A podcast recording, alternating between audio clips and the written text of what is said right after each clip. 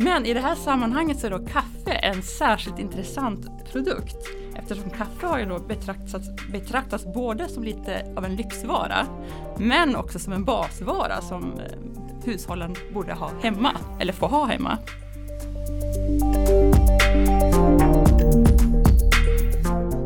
Man ville inte att det här skulle hända igen. Och den lösningen som man hade på det, så att säga, det var att försöka vara så självförsörjande som möjligt. Välkomna till Rapporterat, en podcast om forskning för en säkrare värld. Från FOI, Totalförsvarets forskningsinstitut. Jag som programleder den här podcasten heter Madeleine Westerlund och jobbar som kommunikatör på FOI. I dagens avsnitt ska vi fortsätta vår serie om gråzon. I det fjärde avsnittet av Rapporterat diskuterade vi hotbild i gråzon. Idag ska vi fördjupa oss mer inom försörjningsförmåga. Vi kommer prata om försörjningsförmåga i allmänhet och försörjningsförmåga i gråzon i synnerhet. För att hjälpa oss bli klokare i dessa frågor har vi med oss Camilla Eriksson och Jenny Ingvarsdotter som är försteforskare på FOI. Välkomna till Rapporterat. Tack! Tack!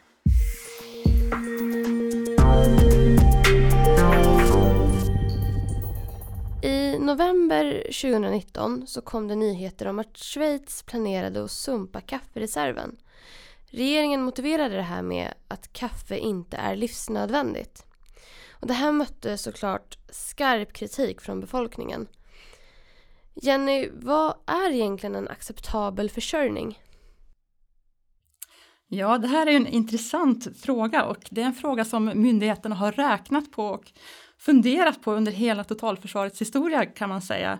Um, och någonting som man har ofta kommit tillbaka till är att om det värsta skulle hända, om Sverige skulle drabbas av krig, då handlar det om livets nödtorft. Och som man sa då, och eh, man betonar att människor måste vara beredda att dra åt svångremmen som man också sa. Men i det här sammanhanget så är då kaffe en särskilt intressant produkt eftersom kaffe har ju då betraktats, betraktats både som lite av en lyxvara men också som en basvara som eh, hushållen borde ha hemma eller få ha hemma. Eh, och till exempel då så skrev man redan 1939 i en broschyr som hade titeln Kan vi klara oss? att den moderna människans konsumtion innefattar kaffe. Men man sa också att samtidigt gäller ju att människan kan leva utan kaffe, hur påfrestande den kan bli. Eh, så, och sen som vi vet, det som hände under andra världskriget var ju att eh, man blev tvungen att ransonera kaffe i Sverige. Det här är någonting som många kommer ihåg. Och man blev tvungen att använda surrogat. Eh, och mot den bakgrunden och mot den eh, erfarenheten så då valde man efter kriget att bygga upp en beredskapslagring av kaffe. Eh, självklart inte bara kaffe, man lagrade sånt som brödsäd och socker och margarin och mjölkpulver. Men det intressanta är att slutsatsen blev då att ja, även kaffe måste ju räknas till livets nödtorft. Det var ju det gamla totalförsvaret. Ja, och den här frågan är ju faktiskt aktuell även idag kan man säga. Försvarsberedningen har ju i sin rapport Motståndskraft lyft upp den här frågan om att vi behöver ett livsmedelsberedskap idag också och tagit upp frågan om att lagring kanske kommer att bli aktuellt igen. Vi vet inte ännu riktigt exakt hur det kommer att utformas, men så sent som nu vid årsskiftet så fick Livsmedelsverket i sitt regleringsbrev ett uppdrag att beräkna hur mycket mat av olika sorter som bör lagras för eh, en kommande kris eller krig. Så vi, vi får väl se vad det här kommer att landa i och om kaffe kommer att vara med på den här listan eller inte. Jag hoppas i alla fall det. Måste jag, jag med. Ja. Hur har beredskapsplaneringen i Sverige utvecklats under tid? Ja, till att börja med så kan man ju konstatera att försörjningsberedskapen är kan man säga, den äldsta delen av den civila delen av, av totalförsvaret. För det var så att den första myndigheten på det här området, den bildades redan 1928 och fick då namnet Rikskommissionen för ekonomisk försvarsberedskap. Och det var ju då erfarenheterna från första världskriget som eh, hade gett då den insikten att Sverige behöver inte självt vara indraget i krig för att bli drabbat av krig.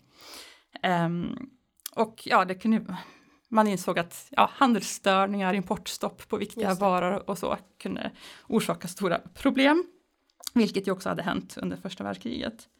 Och den här nya myndigheten då, som bildades 28, den fick ju uppdrag att planera för sådana här situationer.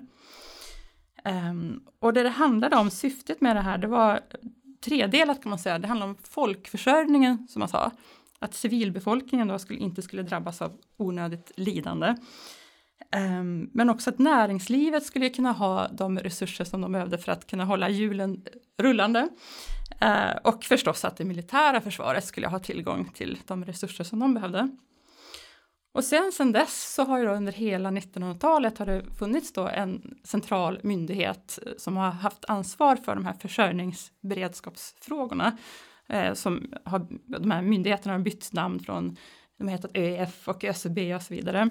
Eh, och det här har ja, varit i rullning fram till millennieskiftet kan man säga. Um, och en viktig eh, uppgift har ju hela tiden varit att samordna allting, för det är oerhört många sektorer som är inblandade. Det är alltifrån transporter till eh, energi och eh, produktionen, livsmedelsdistributionen. Så det har varit en grannlaga uppgift det här inom totalförsvaret. Ja, och generellt så har planeringen utgått från hotbilder, eh, den här planeringen av försörjningsberedskap som man har gjort. Och de tre stora hotbilderna som man hade under hela kalla kriget, det var dels avspärrning, dels anfall av Sverige och dels fredskris. Och tar man dem då lite i ordning så var ju avspärrning det som följde av erfarenheterna av första världskriget, precis som Jenny sa, att då var ju Sverige faktiskt till del avspärrat från världshandeln. Så det, det kom ju att prägla hela efterkrigstiden egentligen, att man ville inte att det här skulle hända igen. Och den lösningen som man hade på det så att säga, det var att försöka vara så självförsörjande som möjligt. Och för att uppnå det så fick man ju lagra insatsvaror till olika delar av industrin så att man ska kunna hålla produktionen igång. Inom livsmedel till exempel så lagrade man diesel och utsäde och så vidare. Eh, när det gäller det här med anfall av Sverige, då var det ju kanske viktigare att ha bombskyddade och säkra lager, hemliga lager som eh, inte fiendemakten då skulle kunna komma åt eller kunna förstöra.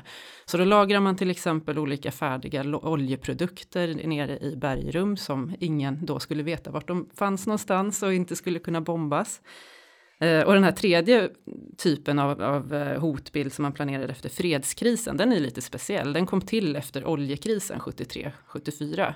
Eh, och utgick ifrån då att man, man såg att även handelskrig eller handelskonflikter långt borta från Sverige som vi inte har någon möjlighet att påverka överhuvudtaget som oljekrisen visade på då kan påverka utbudet av olika produkter i Sverige.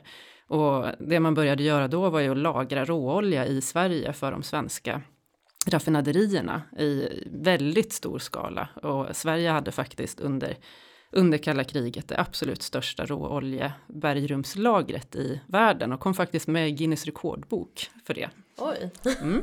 vilken grej. Ja, en till metod som eh, också var väldigt viktig i det här sammanhanget, det handlade ju om eh, den administrativa planeringen kan man säga, för man behövde ju ha ett, eh, till exempel ett ransoneringssystem på plats. Om man nu skulle behöva ransonera, hur ska man, skulle man göra det rent praktiskt? Och eh, det kan handla om regleringar av olika slag och mm, man hade ju ut, man tog fram en lagstiftning då som skulle eh, hantera allt det här, förfogande lagar och så vidare, så, som handlar om hur skulle staten kunna helt enkelt eh, ta över vissa eh, delar av näringslivets eh, resurser i händelse av krig. Och här är det intressant att de här eh, lag, lagarna finns ju kvar intakta från det gamla totalförsvaret. Okej, så det har man inte ändrat på? Trots alla avregleringar så ligger alla lagar? Ja, precis. Kvar. Totalförsvarets lagstiftning ligger kvar, inklusive de här förfogandelagarna med mera. Så det är en sak som har bevarats. Men hur ser det ut med svensk eh, försörjningsberedskap idag? Ja, som Jenny sa tidigare så avvecklade man ju alla de här stora lagren och så som hade byggts upp kring millennieskiftet. Och det berodde ju på att Sverige hade gått med i EU 1995. Kalla kriget upphörde ju efter Sovjetunionens fall 91. Så vi hade ju en helt annan säkerhetspolitisk situation då. Och det här ansågs inte behövas längre. Utan då utgick man ju från att det vi behöver i, en, i någon form av kris, det kommer vi ju kunna importera som vanligt helt enkelt. Men eh, sen försvarsbeslutet som togs 2015 så har ju de här frågorna väckts till liv igen eh, på grund av återigen en ny säkerhetspolitisk situation som vi befinner oss i nu då. Där man har sagt att eh, det civila försvaret ska återupptas och eh, därmed såklart också försörjningsberedskapen. Och alla myndigheter som har ett ansvar och arbetar med de här frågorna eh, sitter ju nu för fullt och jobbar med att lösa ut den här uppgiften. Men vi har ju inte ännu sett några konkreta investeringar eller lösningar eller eh, förslag på hur exakt det här ska göras. Men det är, det är på gång och högaktuellt just nu. I år ska det ju tas ett nytt försvarsbeslut i slutet på året är planen och myndigheterna fick i juli förra året en uppgift att de nu ska beräkna kostnaderna för och prioritera vilka åtgärder som är mest akuta att genomföra. Eh, och det uppdraget ska redovisas nu i början på mars. Så jag tror att ganska snart kommer vi att få en klarare bild av hur det här kommer att fungera i framtiden.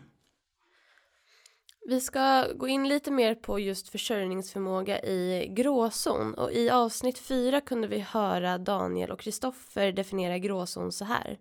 Men den enklaste förståelsen, den som också är mest vanligt förekommande, det är att gråzonen är något slags eh, tillstånd mellan krig och fred, det vill säga där det varken råder fred eller krig i termer av ett väpnat angrepp. Vilka utmaningar finns det med att bedöma hot mot försörjningsförmågan i gråzon? Ja, det, det, finns ganska stora utmaningar. Um, man kan säga att det är två saker som man bör komma ihåg här. Eh, för det första så har vi idag väldigt eh, komplexa försörjningsflöden som är beroende av eh, både långväga transporter och en massa IT-system helt enkelt. Eh, och det här blir ju sammanlagt blir det här väldigt sårbart. En liten störning någonstans i världen kan orsaka en mycket större störning i något annat led. Eh, och den andra delen som är viktig att komma ihåg är att eh, cyberattacker idag kan slå väldigt brett. Så att eh, det många kan drabbas även om eh, de själva inte var mål för just den och den attacken. Så det, det gör det svårt att förutse var de här störningarna kommer att uppstå. Och här kan vi ju kanske påminna lite om kontrasten då mot hur det fungerade under kalla kriget med de här hotbilderna som jag berättade om med avspärrning och fredskris och anfall mot Sverige. De var ju de var ju mm, väldigt enkla på ett sätt att omsätta i konkreta lösningar. Eh, och de var ju utformade lite så också, lite som pedagogiska dimensionerande scenarier kan man väl säga. Och vi, det är väldigt svårt att göra något motsvarande för gråzonen och för hybridkrigshoten. Det, de, just det här att de är så diffusa och svårt att förutsäga hur det kommer att slå, så är det också väldigt svårt att utforma lösningar för det, om man säger så, eller åtgärder för det. Så vi har en stor utmaning framför oss idag. Mm.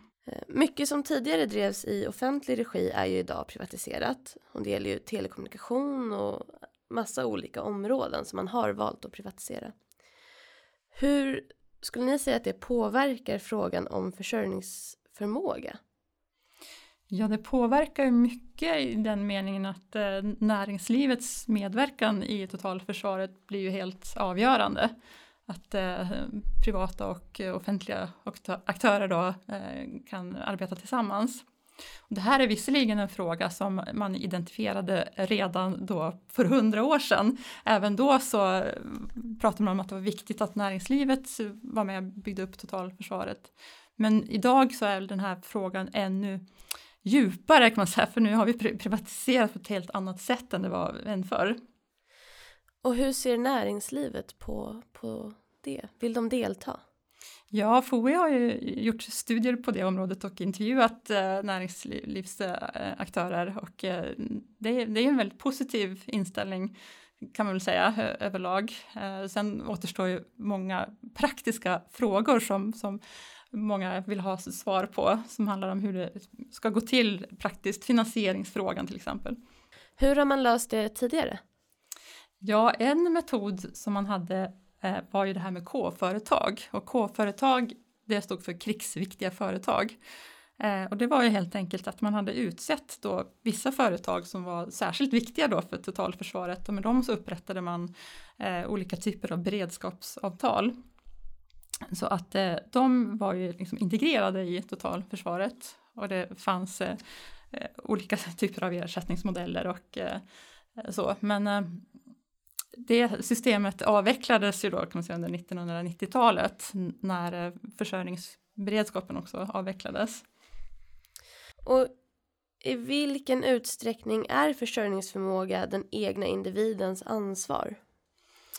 Ja, alltså myndigheterna har ju alltid ansett att individen har ett visst eget ansvar att klara sig själv, särskilt om man är fullt frisk. Eh, och till exempel i det gamla totalförsvaret så um, betonade då myndigheterna att eh, folk skulle vara beredda på standardsänkningar och lägga om kosten och man pratar om det här med dra åt svångremmen då. Ehm, men samtidigt har det också varit ett delat eh, ansvar för staten. Då i det gamla totalförsvaret eh, pratade om det där med folkförsörjningen och man lagrade många olika typer av eh, varor och produkter inom landet. Eh, just då med tanken att befolkningen inte skulle utsättas för, för allt för stora lidanden då i händelse av krig. Um, ja, så man kan säga att det har, det har varit ett delat ansvar här. Det gäller ju även idag. MSB skickade ju ut en broschyr i maj 2018 om krisen eller kriget kommer. Eh, där det fanns tips på vad man bör ha hemma och som ju tydligt visade att vi har ju ett eget ansvar för att klara av våran egen försörjning av mat och värme. Eh, och det är lite otydligt. Vi får väl se vad den här eh, återupptagna planeringen av civilt försvar kommer att innebära, men som det fungerar idag så finns det ju ingen eh, kommunal eller statlig beredskap för att hantera eh, fullt friska människors behov av mat eller värme i en längre kris, utan det är ju till stor del ett eget ansvar skulle jag säga.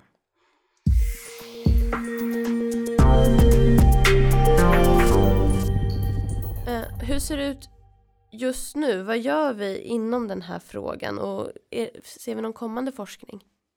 Vi jobbar ju nu inom det här forskningsprojektet 3F för civilt försvar med, med eh, forskning om just de här frågorna och det vi har börjat med är den här, det här F, förståelse av hotbild. Så Jenny och jag har jobbat med tre olika vetenskapliga artiklar precis nu som handlar om att utveckla den här beskrivningen och förståelsen för hur hotbilden har fungerat som planeringsförutsättningar kan man väl säga under, under kalla kriget. Eh, och vi har precis publicerat den första artikeln i en tidskrift som heter Geografiska notiser. Den heter Bergkunskap i totalförsvarets tjänst och vi jobbar nu med ytterligare två då. Sen har vi lite planer på längre sikt att tackla de andra F'n så att säga också som ingår i 3F och det är ju framförallt försvarsvilja som vi har har planer på att jobba med och då handlar det dels om preppingrörelsen som jag tänkte undersöka. Eh, vad är det som driver den? Vilka idéer är det som ligger bakom eh, det vi ser är som en växande preppingrörelse i Sverige?